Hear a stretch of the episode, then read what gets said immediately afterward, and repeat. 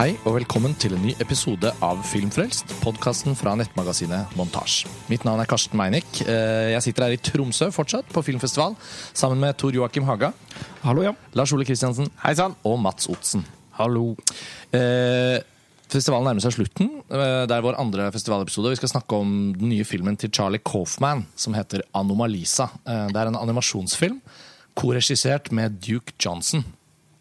Og ja, jeg følte kanskje at dette var en av de filmene på hele festivalen som hvert fall jeg gledet meg mest til. Og den føltes liksom som den hadde den der litt sånn ladede profileringen rundt seg som man håper at festivalfilmer skal ha. Jeg vet at den ble vist på Fredrikstad Animation Festival i november, før jul. Men det, utover det så har det ikke vært noen særlig visning i Norge. Jeg vet ikke med dere, men jeg, det var nok den jeg gledet meg mest til. Samme. Jeg hadde ikke noe spesielt eh, forhold til den. eh, For jeg har ikke noe spesielt forhold til eh, Charlie Kaufman, som veldig mange andre. Men eh, så fikk den, mens vi var under festivalen, her, så fikk den veldig godt skussmål fra en del av våre kolleger og, og kjente. Og da steg jo eh, forventningene litt, da, selvfølgelig. Ja, altså jeg var jo da faktisk på filmfestivalen i Venezia, der hvor den hadde premiere. Hvor den også mottok eh, overstrømmende kritikker. Men av en eller annen årsak så så fikk jeg ikke Eller jeg vet jo hva som er årsaken. Eh, I Venezia jo, har vi jo oppdaget at det er såpass lite folk. Sånn at så å si ingen av visningene er fulle. Eh, og av den grunn så tok jeg det ikke Altså sånn Jeg vet ikke. Jeg, jeg, slanta inn Jeg slantet inn. Jeg møtte, ja, jeg møtte opp 20 minutter før visningen og tenkte at det ville holde lenge. Men det er altså første og så langt Ja, eneste gang jeg opplevde å ikke komme inn på en visning i Venezia. Og det var da dessverre også den siste visningen av filmen, fordi i kvelden før så hadde jeg prioritert å se De Palma altså Noah Baumbach sin De Palma-dokumentar en gang til istedenfor å eh, se Anne Malise da. Så jeg gamblet jo også på og, og, og fordi at det hadde vært to visninger før, så tok jeg helt for gitt at det skulle være uproblematisk å komme inn. Så da sto jeg der med eh, slung, ja, slukøret. Men nå har vi i hvert fall fått sett den her i Tromsø. Ja. Og da, på en måte så var vel det like greit. Da fikk du den her. Grunnen til at jeg gledet meg, var selvfølgelig at jeg har et veldig nært forhold til Charlie Kaufman. Og, og, og for de som da eventuelt er så unge eller ikke helt vet hvem Charlie Kaufman er, at de ikke fikk med seg det, så var det i hvert fall et, et fenomen på en måte i 1999, da Being John Malkovich kom. Uh, debutspillefilmen til Spike Jones, som også var den filmen som satte manusfatteren Charlie Kaufman på kartet. Og så gikk det jo slag i slag med, med filmer som, eh, som han på, på den ene eller den andre måten hadde signert som mannsfatter, og etter hvert også debutfilmen hans 'Synectic New York', som kom i 2009. Det blir mye TV-serier òg, faktisk.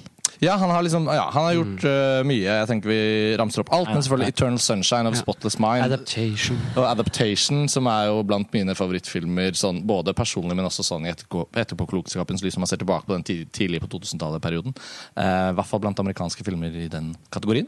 Så, uh, og I det store og det hele så føler jeg liksom Charlie Coffman har utviklet gjennom alle de filmene da, en form for lakonisk både tematisk uttrykk, men også på en måte bare i det språkestetiske. Det er et eller annet spesifikt som gjør han til en veldig sånn renskåret tør i sitt felt. Derfor syns jeg det var så utrolig overraskende at han skulle gjøre en animasjonsfilm. For det er jo da For dere som kjenner meg, og det har vi snakket om ofte på Filmfest. paradokset! Ja, for da er det sånn Å, Charlie Coffman kom med en ny film, og det er en animasjonsfilm. og jeg mener jo aldri når jeg sier dette at jeg har noe imot animasjonsfilm som et estetisk uttrykk i seg selv. Jeg skjønner veldig godt at folk er opptatt av det. Så det handler bare om min subjektive sånn For meg har aldri animasjonsfilm i seg selv, altså at det er en animasjon, gjort en film mer spennende. Eller Nei, du det. liker jo Du liker jo flere animasjonsfilmer, eh, men du liker jo animasjonsfilmene på tross av at de er animasjonsfilmer, og ikke på grunn av at de er animasjonsfilmer. det er korrekt oppsummert. Så, så, men dette er jo som film for voksne. Det er jo da, hvis noen, bare for lytternes del, altså Anomalisa er en animert film som er en film for voksne, og om voksne. Og om voksentematikk. Og på veldig mange måter en, en film som, som snakker om et veldig sånn spesifikt type liv, en type tilværelse. Det føles som en ganske amerikansk fortelling eh, oppi det hele. Og eh, vi kan jo litt ta runden på, på hvordan den slo an, men for meg levde den da veldig opp til forventningene. Og det skal vi komme mer tilbake til. Vi kan kanskje snakke litt mer om hva den handler om. Jeg vet ikke om du, Mats, kunne tenkt deg en liten Å by på en kort presentasjon Ja, av premissen. Ja, ja, ja. Eh, Michael Stone heter den vel. Det handler om en fyr som heter Michael Stone, som tydeligvis har skrevet ei bok om eh, kundeservice. og produktivitet, og som skal på et, eh, en konferanse, holde en konferanse i Cincinnati i Ohio i USA. Eh, og det er vel ca. der vi kommer inn. Inn på flyet, og så til hotellet. Og det begynner å vise at han sliter med enkelte psykologiske problemer, eller i hvert fall med at han er ensom, selv om han har kone og barn, og har et sterkt behov for å få en connection med noen. Mm. Jeg vet ikke om en skal si Det er, jeg jeg, jeg syns det var nok. Jeg. Jeg synes det var fint, fint sagt. Og, og det var faktisk Jeg visste ikke engang det. Fordi til og med traileren til filmen er liksom ikke opptatt av å set, gjøre den setupen. Eh, traileren til filmen bruker jo da en, eh, en, sånn, sånn frem, en slags tale, eller ja, en sånn konferanseforedrag, biter av det, som han hovedpersonen holder på et tidspunkt i filmen, til å liksom lage mer som en sånn montasje av bilder og inntrykk fra filmen. Så jeg syns også traileren var sånn Oi, jeg vet fortsatt ikke helt hva Anomalise er for slags film. så... Hva syns du, Tor Joakim? Generelt om filmen? Ja, i forhold til forvent eller sånn, Du hadde kanskje ikke så høye forventninger, men, men i forhold til hva, slags altså- film, hva slags film det liksom var. Ja, Litt i motsetning til deg, da, Karsten, så er jeg veldig glad i animasjonsfilm. eh, Og egentlig mest glad i det pga. det estetiske uttrykket. Ja. så, så, ja, Den, den vanligste tilnærmingen til animasjonsfilm, vil jeg si. ja, kanskje. Men eh, jeg, jeg lagde jo tegneserier da jeg var liten, og og tegnefilmer også et par. Så jeg er veldig opptatt av, ja, det. Har alltid vært det. Så for meg så var dette mer en sånn opplevelse av det enn av det kaufmannske. For det som jeg nevnte innledningsvis, så er ikke jeg sånn kjempestor fan av Kaufmann. Eh, og det handler jo litt om det her forholdet jeg har til litt sånn quirk, altså ting som er bare liksom litt på siden av av, av eh, det realistiske. Det er jo mye, mye ting her som er, som er veldig poetisk og, og estetisert, men men jeg tok meg selv mer i å se etter detaljer i, i animasjonen, i hvordan de hadde konstruert hotellrommet, Cincinnati, hvordan de hadde lyssatt ting. Eh, og, og disse rare kroppene, da, eh, som vi ikke helt vet hvordan er animert. Eh, stop motion av noe slag. Ja, det er stop motion, tror jeg. Det er det, men så er det jo veldig mye med at hvordan for jeg har alltid tenkt på ok, du gjør en stop motion-animasjon, så er det sånn, ja, du har kanskje sånne bøyelige Noen er jo sånn leire, sånn Walls and Gromit eh, eh, Men så er det liksom dukkeanimasjon igjen. Og det her var en sånn der følelse av at ok, det er på en måte dukker, det er figurer, men på grunn av at de hadde ikke prøvd å liksom gjøre det Altså Estetikken var veldig sånn at uh, i ansiktene på figurene i denne filmen, så, så går det liksom et skille på Ja. tvers ved øynene og nesegropen. på en måte. En hvor Ja. Du ser det sånn i øynene liksom- og mimikken til skuespillerne. Ja, og så er det liksom sånn at den, den delen av ansiktet som går liksom fra kinnbenene ned til kjeven, haken og opp igjen, den er også en litt sånn avtagbar Ja, jeg del av dukken. Og det spilles jo også på i filmen, som jeg syns var en fantastisk måte å si ja, dette er animasjonsuttrykket, men dette er også en del av fortellingen. jeg tenkte kanskje det var litt sånn Crash Test Dummies-aktig. At jeg brukte det som en mal. Da, for, for, for det handler jo også litt om tematikken i filmen, som vi etter hvert skal komme inn på. Ja, Jeg tenkte litt eh, av og til på den åndssvake dukkefilmen som uh, South Park-folka lagde. Altså, Hva var det den het igjen? Ikke Team- Captain America. Team America. Team America, Team America. World Police. Ja, den har jeg selvfølgelig aldri sett. Da. Ja, den er kjempe... Jeg vet det, jeg burde sett den. Uh, men ja, det, den er mer sånn, sånn Der kan du jo se trådene til dukkene. Ja, sånn, sånn. Men uh, den, har, den, den har noen elementer av sånn sånn dukkeanimasjon. Mm. Men man kan samtidig se Fordi man kan se at hårene f.eks. rykker på seg innad i, et, i en innstilling. Da. Og da kan man jo åpenbart se at det er en stop motion. Altså, den, den animasjonsteknikken denne filmen egentlig minte meg mest om, er faktisk Flåklypa.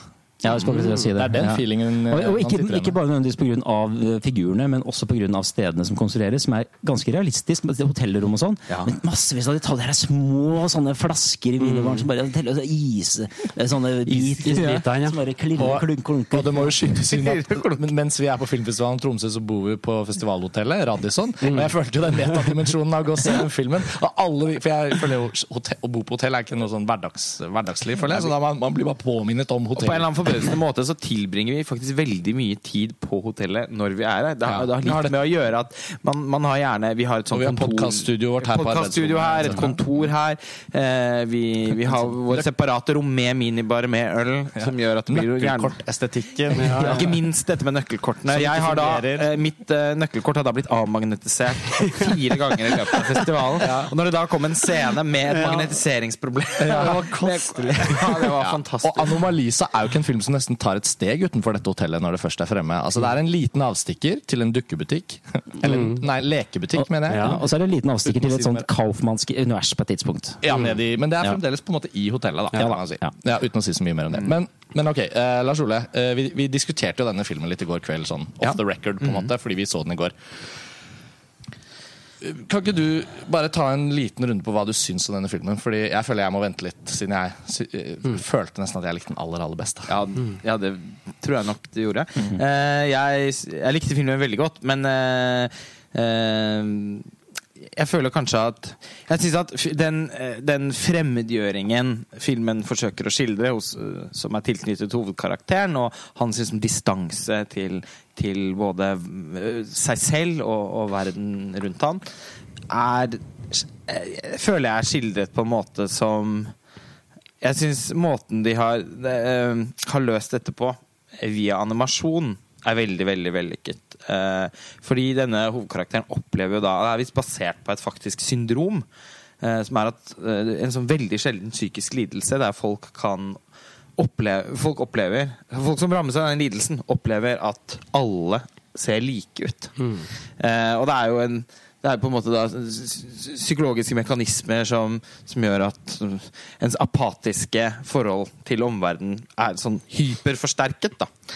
Eh, og vi får muligheten til å liksom oppdage litt etter litt at herregud, ser ikke alle helt like ut? Og er er ikke alle dubbet av den samme skuespilleren? Det sånn, og den effekten av det var veldig slående. Ja, det var så slående, faktisk. Ja, Veldig, veldig bra. Det, og, og, og som nesten skaper sånn, sånn Kafka-aktig eh, univers. Men når det er sagt, så syns jeg ikke filmen hadde noen spesielt interessante innsikter i i, den, I det temaet. Jeg følte ikke at den på en spesielt original måte tilnærmet seg eh, fremmedgjøring og verdensfraventhet uh, sammenlignet med hva man kan se i veldig mange andre filmer. Det var ikke noe, ikke noe Lost in Translation, syns jeg. Eller, uh, eller en, for den saks skyld Bing John Malkovich. Jeg syns det var en del Lost in Translation. der. Ja da! Jo, men så kommer vi inn, altså sånn eh, som Joakim er inne på, da. Eh, så jeg syns det er veldig mye av den visuelle humoren da som er veldig Lost in Translation-aktig. Som funker veldig godt. Og det, og det, handler veldig mye om denne, disse miniversjonene av sånn hotellelementer. Minibaren. Eh, altså den, den lille skriveblokken som alltid ligger på sånn hotellrom som folk har klusset på når de har snakket i telefonen. Eh, det, det er bare noe, så, no- noe sånt som at bare når han skal ringe og bestille eh, noe sånn, noe sånn room service-mat så må han reise seg opp og gå i sirkler rundt på rommet mens han er i telefonen. Og sette. Det er noe jeg alltid gjør selv. Eller skribler på en blokk. Altså, så, så den har noe veldig Den har noen ting som er veldig godt observert, og inni midten her så er det en kortfilm, føler jeg, Ja. som alt er bygget rundt, og som er en helt fantastisk kortfilm. Eh, jeg syns nok filmen bærer litt for mye preg av at at, at denne kortfilmen, som jeg kaller den, som jeg, som jeg syns er filmens hjerte, og som opptar også en veldig stor del av filmen, sikkert 40 minutter, om ikke mer, eh, er Jeg føler at det andre filmen er liksom bygget rundt den, og ikke, ikke holder det samme nivået, da, på en måte. Eller eh, Jeg, jeg syns nesten hvis jeg hadde sett den med litt mer ramme rundt, eh, som, en, som en kortfilm, så tror jeg det ville blitt mer sånn slått i bakken imponert. Da ville jeg kanskje tenkt på det som en av de fineste kortfilmene jeg har sett. Men uh, mens det rundt føler jeg liksom er bra, men holder ikke et sånn mesterlig nivå for meg, for min del. da. Og så kan vi snakke mer om hva denne kortfilmen som jeg snakker om, er for noe. Jeg må si jeg likte den veldig godt. Jeg er eh, meget glad i Charlie Coffman. Jeg føler du, du merker at det er han med en gang på flyet. Og at både animasjonen syns jeg er fabelaktig. Eh, Detaljrikdom og en Jeg vet ikke, det er merkelig, men jeg syns ikke det er quirk. For at quirk oppleves som litt mer sånn eh, tøysete merkelighet. eh, Sånn lettvektermerkelighet. Men jeg syns ofte det her er mer sånn. Dette her er mer sånn oi, er sånn er sånn- livet. ja, sånn er livet, og sånn, sånn tenker han, og sånn tenker mange av oss på en litt merkelig måte, men det kan vi gjøre. Eh, og jeg syns det var kjempemorsom. Det er skrevet veldig bra, og det er en humor både i timinga og i dialogen der som ja, ikke bare er gjenkjenn gjenkjennelig, men eh, det bare funker så godt innenfor universet. Et veldig godt tegna univers. Og, og jeg syns uh, den tematiske klangbunnen Jeg visste ikke om det syndromet. Jeg tenkte mye mer det var en slags sånn metaforisk behandling av konformitet. Sant? At alt blir likens og det dagligdagse og det å øh, individualisme og mange sånne metaforer. Det er Altså, det er som overtolker Filmen, hele nei, altså, Nei, nei, nei, den er filmen legger åpen for ikke opp til at man skal vite om dette syndromet. Det ble jeg fortalt av noen jeg kjenner, Ja. eh, som jeg diskuterte filmen med i går. Navnet på hotellet er visst også da Navnet på det syndromet. Ah, Og det er vel Det er ikke nødvendig kunnskap å ha. nei, nei, nei, Men jeg tenkte det er verdt å nevne. Eh, Det var en interessant ting å få høre. Ja, også fordi at Synecdoche i New York da Det er det samme. altså også er basert på en Eh, Nå husker jeg ikke det navnet, men nei. etternavnet hans er navnet også på et syndrom. Ja, og det syndromet er at du ikke, du er ikke klar over om du er død eller levende. Nei Eh, så, men altså, det er jo ingen Kanskje han skal lage en sånn syndromtrilogi. Syndrom, syndromtrilogien. Men, men altså, for å bare skyte inn kort om det. Alle som da har sett et par Charlie Coffman-filmer, om han har skrevet manuset eller også da en av de han har regissert, vil jo umiddelbart kunne gjenkjenne at, at Ja, og om det er dette med disse syndromene eller hva det er, så føles det liksom som sånne ting som settes i fokus av Charlie Coffman. Ja. Det er liksom ikke så veldig mange andre føler jeg, som, som lager film om de tingene han er opptatt av. Nei. Det er liksom han som tar seg av det. da. Og, og jeg synes også du snakket om dette med at den føles som en kortfilm på midten, og jeg, og jeg skjønner jo veldig godt poenget ditt fordi filmen har, har skifte. Jeg, har ikke, jeg kan komme tilbake på det eh, litt senere, men, men overgangen fra Synectic New York, eller New York i et nøtteskall, som den het på norsk, Ja. eh, eh, som jeg, for meg var den beste filmen i 2009, eh, den var jo så Altså som en debutfilm, da. Så altså sånn, så, ep så ambisiøs og episk i hele veien. Liksom sånn, innenfor de rammene den satte seg, så var den så voldsomt liksom, Det liksom, Det var som om han liksom skulle lage en film om alt han hadde av ideer. I tilfelle han aldri fikk lage en film til. Men så med, med Anomalisa, det husker jeg tenkte da det ble annonsert nå. Charlie Coffins nye film. En, liksom animasjonsfilm. Jeg skjønte liksom ikke hva den skulle handle om heller. Og den er en ganske liten altså Den har en veldig sånn vakuum Det er en bitte lite univers. Ja, det, er, Og, og, ta, det er nesten den rake motsetningen ja, til. Sånn i forhold til New York i et nøtteskall. ja, og, jeg har lyst til å bruke den norske tittelen. ja, jeg måtte jo bare nevne den tittelen, fordi det er jo så utrolig. Jeg husker på en av de aller første, pod, altså en av de aller første episodene av Filmfrelst, som vi lagde for eh, da over seks år siden. Så snakket vi litt om det, med at den norske tittelen var jo bare helt krise. Men, men. ok, Poenget mitt var fall bare for å plukke opp det du sa, da, at det var dette med syndrom og sånn. Man trenger jo ikke vite det i det hele tatt, men det er bare interessant at det ligger sånn Det ligger veldig mye ting som er sånn flettet inn i hans humor. Det er ikke bare på det språklige, men det er også på det visuelle. Så det at dette hotellet da har det, og at man kan finne ut det senere, at å, det er hotellets navn, så var også litt sånn rart sånn hotellnavn. Og, og, og, og når han kommer inn på hotellet, så er det måten liksom, Uten at vi spesifikt skal vite at han føler at alle mennesker er den samme personen, så er det noe med at det passer så bra at det første stedet han liksom møter på litt forskjellige folk, er på et hotell hvor folk oppfører seg utrolig sånn maskin. Er sånn, de, er, de, er, de skal være så høflige at det nesten er ubehagelig. Og han er, han, hva heter han som følger han, Piccoloen? Den er, hele den sekvensen er den sakte sekvensen gjennom hotellet opp til rommet og høfligheten til han Piccoloen, og til slutt den lille sånn hvor jeg da tenkte på Alene hjemme 2. Når han skal liksom få tips. Ja, det, det, det, det er fordi jeg tenker, det er fordi jeg tenker på Hjemme alene 2 hver gang jeg ser en, sånn, en, piccolo. en piccolo i en film som skal stå og motta noe driks. no, Men da hadde vi veldig lik oppfatning av filmen, egentlig, Mats. Ja. Eh, Spørs det. Jeg, øh, jeg, jeg, jeg skjønner hvorfor du føler det sånn, Lars Ole, om på en måte altså sånn strukturmessig. Altså hvordan man kan Fordi, fordi det er jo da en kjærlighet. det er ganske tydelig. Ja, jo, og filmen har et veldig klart skifte, men jeg Ja. mener den handler om, som Mats beskrev, uh, Michael Stones fremmedgjorthet og ensomhet. Og jeg kan ikke skjønne hvordan den derre gleden av det skiftet, når Lisa kommer inn i historien Jeg skjønner ikke hvordan det kan oppleves så, så vidunderlig og så gledelig og dersom vi ikke hadde hatt en oppbygning som handler om å liksom være med Michael Stone, begynne å venne seg til dette animerte universet, føle på uroen knyttet til vakker Så rart at Er ikke det en dame? Hvorfor er det en manns stemme? Ja, ja, Men det må være et poeng med det, for det er jo en Charlie Coffman-film. Og så liksom, ja, og så det første gang jeg tenkte Han ringte hjem, så var det liksom en mann som tok telefonen. Jeg tenkte, ah, er han homofil? Ja. Men barnet høres jo ikke ut som et barn. Er det et voksent barn? Er det barnet hans? Er det liksom, så alle de der, altså Filmen lykkes i hvert fall i å skape Ja, ja, det er- det er og uten den undringen så blir man jo også liksom Det er jo ikke sikkert effekten av Lisa sin inntreden i historien vil være den samme. Nei. Så er, jeg, jeg skjønner teorien din, men så tenker jeg sånn altså, Men jeg syns det er skildringen av hva som skjer mellom møtet mellom han og Lisa, det som skjer i seg selv, Mm. syns jeg er mye mer interessant enn hvem de er som mennesker. Den ser jeg, ja. Eh, det er ikke det jeg syns eh, Det er ikke det at det kommer noen inn i livet hans og liksom blåser han opp. Det syns jeg ikke var så spennende. Eh, jeg syns det er eh, rett og slett denne eh, veldig litt sånn keitete, men veldig fine eh, møte mellom to mennesker. Etter en kveld eh, med litt alkohol og noe middag og litt sånn Skal du gå dit, og skal jeg gå dit, da? Ja, men bli med inn på en drink. Og den utrolig Jeg synes det var så Jeg kan nesten ikke huske å ha sett en, en, en filmscene som i, eh, på en så overbevisende måte. Mm. Ja.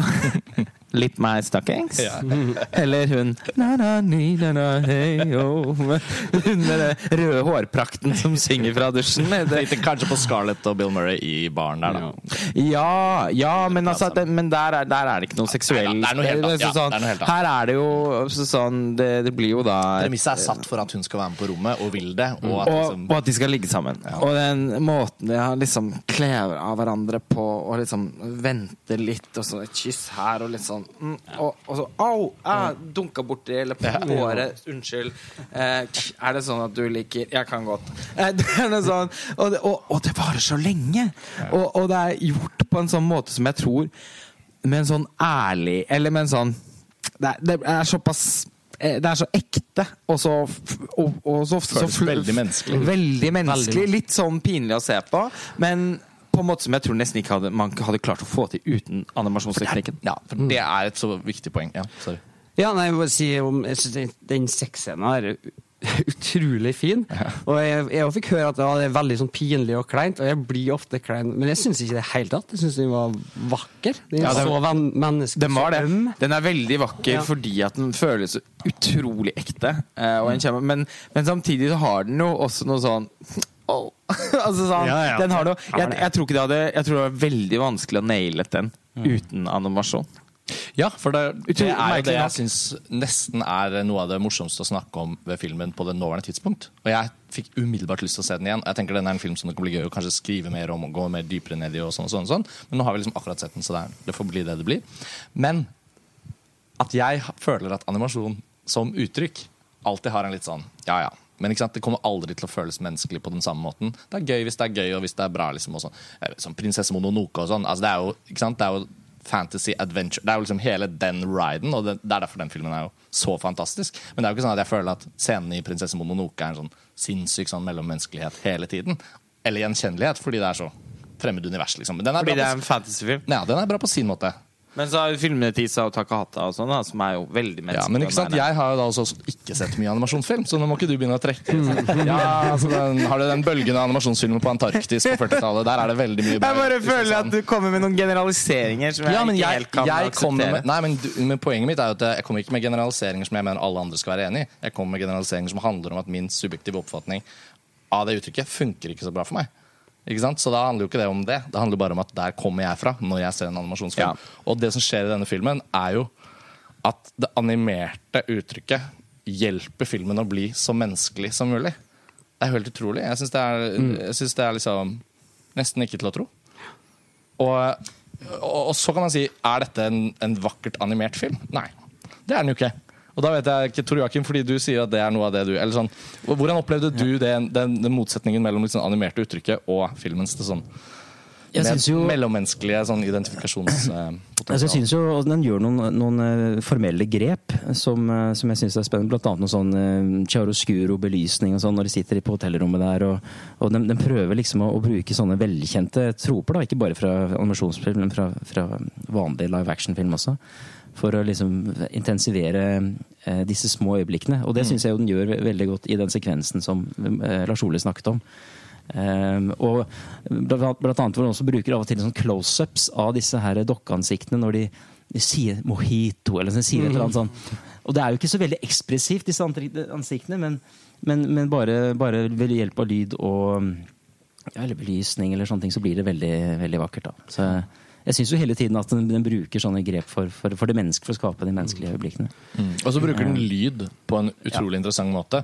Bare noe så enkelt som at her skal det være én person som har dubbet nesten alle de små rollene da, rundt hovedpersonen. Og jeg mener, Hvis du skulle prøvd å gjennomføre den ideen i live action Det ville jo ikke gått. Du ville, ikke, du ville, ikke, eller du ville, du ville fått noe helt annet. Du ville ikke fått det den filmen her prøver på. Nei. Og da blir det jo litt sånn mirakuløst for meg. Kanskje dette er den filmen som gjør meg mer interessert i animasjonsfilm. Fordi da blir jeg jo litt sånn Nettopp. Så hvis du skal utforske den type sånn abstraksjon mellom liksom lyd og identifikasjon, stemme, uttrykk, så er det jo gjort helt perfekt her. Og så gjør det noe Det er like så godt med animasjon. Jeg har nesten venta på at Charlie Coffman skal komme dit, for han har noen klare sånn surrealistiske snitt i alle filmene sine. og det får alltid et ekstraelement i animasjon, som liksom lever mellom eh, det levende og døde og drøm og virkelighet fra før. Så du får et sånn element av det, og når du da får brukt sånne virkemiddel som du snakker om, med at alle er dubba av samme, du får brukt noen triks som du bare kunne ha gjort i animasjon så syns jeg det er veldig interessant. Og det minner meg ikke i stil, altså, men det minner meg om det samme sånn essensen som hos Jan Svankmeier, f.eks. Som driver med stop Ja, ja, og som får sin surrealistiske liksom, kraft fra det møtet mellom drøm og virkelighet som ligger i animasjon i seg sjøl. Ja, altså, det, er, det er også litt av mitt Ja. problem med filmen. Som, som, Svankmajer er litt mer crazy, da, vil jeg si. Ja, og mer Jevnt over, i hvert fall. Mer ja, det litt mer eh, out there. Men Kotelettene som danser før de legger seg. Det er- Den er så bra. Den er så bra. Meat Love fra den kortfilmen. Fantastisk. Men bare, bare skyte ned, det er også en av de, litt av mine problemer med den filmen. er at den, det, av og til, Jeg syns det er kjempeflott når den virkelig peiser på med litt formelle grep, men også den herre Den prøver å lage dette ekstremt realistiske eh, universet rundt rollefigurene. eh, og, dermed, og, hvordan han beveger seg og sånne ting. Og det er, det er for så vidt fint, men det gjør at jeg altså Jeg liker ikke når, når, når ting er bare sånn to knepp til høyre eller venstre. Eh, da, da faller jeg av. Enten så må du gå all out there, Tim Burton, et eller annet. Eller så må du prøve, prøve å holde det igjen og, og være, dyrke liksom enda mer det, det nære, det realistiske, i, uansett om animasjonsfilm eller ei. Så da, da sliter jeg alltid litt da, når, når det er den derre Litt sånn, Skjønner du hva jeg mener? Den berømte quirken. Ja, men, ja, det, ja, men det, er ikke, det er ikke Tim Burton-quirk. Det er litt sånn Wes Anderson-quirk. du Anderson-quirk. en renhet, du. Du vil Ja, ikke ha den der miksen og litt Nei, så jeg, jeg liker jo ikke Wes. Anderson heller. ikke sant? Og han også er jo som Han har en helt tydelig stil, og sånne ting, men det, det, alt er liksom to knepp til høyre. Uh, det liker jeg ikke. Nei, Uh, Charlie Coffman det er ikke det samme som en penis dramatisk inn fra venstre. Nei, nei, det er 17 knepp, og da er det greit. Dette er en uh, referanse til en annen podkast om Ja. Paul Verhoeven, som vi også nevnte i er bare å hoppe dit for å få noe 200 eh, episoders jubileet. Ja. Men altså, Charlie Coffman, også som mannsfatter, er jo da en kunstner som er veldig opptatt av ordet og presisjonen. Og jeg er helt overbevist om at hans manuskripter, når de endelig er ferdige og klare, også er et slags verk i seg selv. Og da er det jo nettopp litt sånn at animasjonen passer jo litt for han, da. For da skal det jo bare spilles inn et sekund per dag. Så da har han jo også liksom kontroll. altså at liksom, Dersom det skulle glippe, så trenger det ikke glippe. For han kan liksom justere. Og det føles som en utrolig god match, syns jeg, her i Animalisa. At det er sånn, du får et sånt Nesten som en sånn superdestillat av Charlie Coffman, som er helt uforstyrret. Det har liksom ikke vært noe, ikke noe sånn Spike Jones hipster-greier, og ikke noe Michelle Gondry, store hender og ting og tang. Det er liksom bare Charlie Coffman. Eh, og, og ikke så veldig sånn ambisiøs fortelling. Bare, bare situasjoner og ord. Og, og, og liksom den dybden som jeg syns ligger i at han er veldig opptatt av tematikk, og liksom vever det inn så godt han kan. da. Um, det kan ikke bli en altfor lang episode, for det er siste dagen på festivalen. Mats, du skal til flybussen og sånn og sånn, så jeg tenker vi kan jo begynne å rappe det opp. Det, det er jo en film jeg er helt overbevist om at vi kommer til å snakke mer om. Men den, slik det ser ut nå, så vil jo Anomalisa da ikke ha en regulær norsk kinopremiere, men den er da blitt tatt hånd om av cinematekene. Så det må også sies her at ja, dette er en festivalepisode, men dette er også en filmfestepisode hvor vi snakker om en film som da blir tilgjengelig på cinematekene. Cinemateket i Oslo skal ha den som månedens film nå i februar, blir det vel. Og så skal den vises da på de digitale cinematekene rundt om i landet. Og de datoene kan man finne på cinematekene.no, eller det vil være informasjon på Montasj sine sider. Og jeg må jo bare si at jeg vil anbefale den. Altså det, det er en toppfilm for meg. Den mangler, mangler ingenting. Det er liksom en sånn film jeg bare har lyst til å se om igjen. Jeg tror jeg kommer til å elske den liksom sånn ordentlig. Og det er jo så deilig å få oppleve. Jeg tilslutter meg egentlig bare Karstens anbefaling her. ja.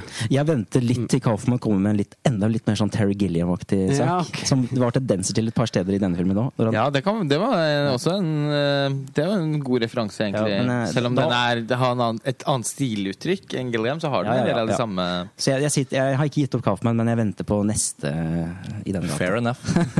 Lars Ole, ta de avsluttende bevingede ord. Ja. Nei, altså, jeg syns nok ikke filmen er fullt så eh, eh, så imponerende som, eh, som, som Karsten syns. Eh, til det syns jeg den bærer preg av å, å være Hadde hele filmen vært like god som, som Midtpartiet, så hadde den jo vært da syns jeg den hadde vært et mesterverk. Men, eh, men det syns jeg nå For meg, i hvert fall, eh, var det litt sånn åpenbart at den, at den ikke var det. Men, eh, men den har så mye Den er så egenartet i det meste den gjør, og er så vellykket som et animasjonseksperiment at jeg tror den både for, liksom, for de som er interessert i Charlie Coffman og, og, og, har lyst til å se filmen fordi han har laget noe nytt, eh, og, og, for de som også er såpass interessert i animasjon eh, at, at uh, altså sånn, Jeg tror den også vil appellere til animasjonsentusiaster. Mm. Fordi, eh, fordi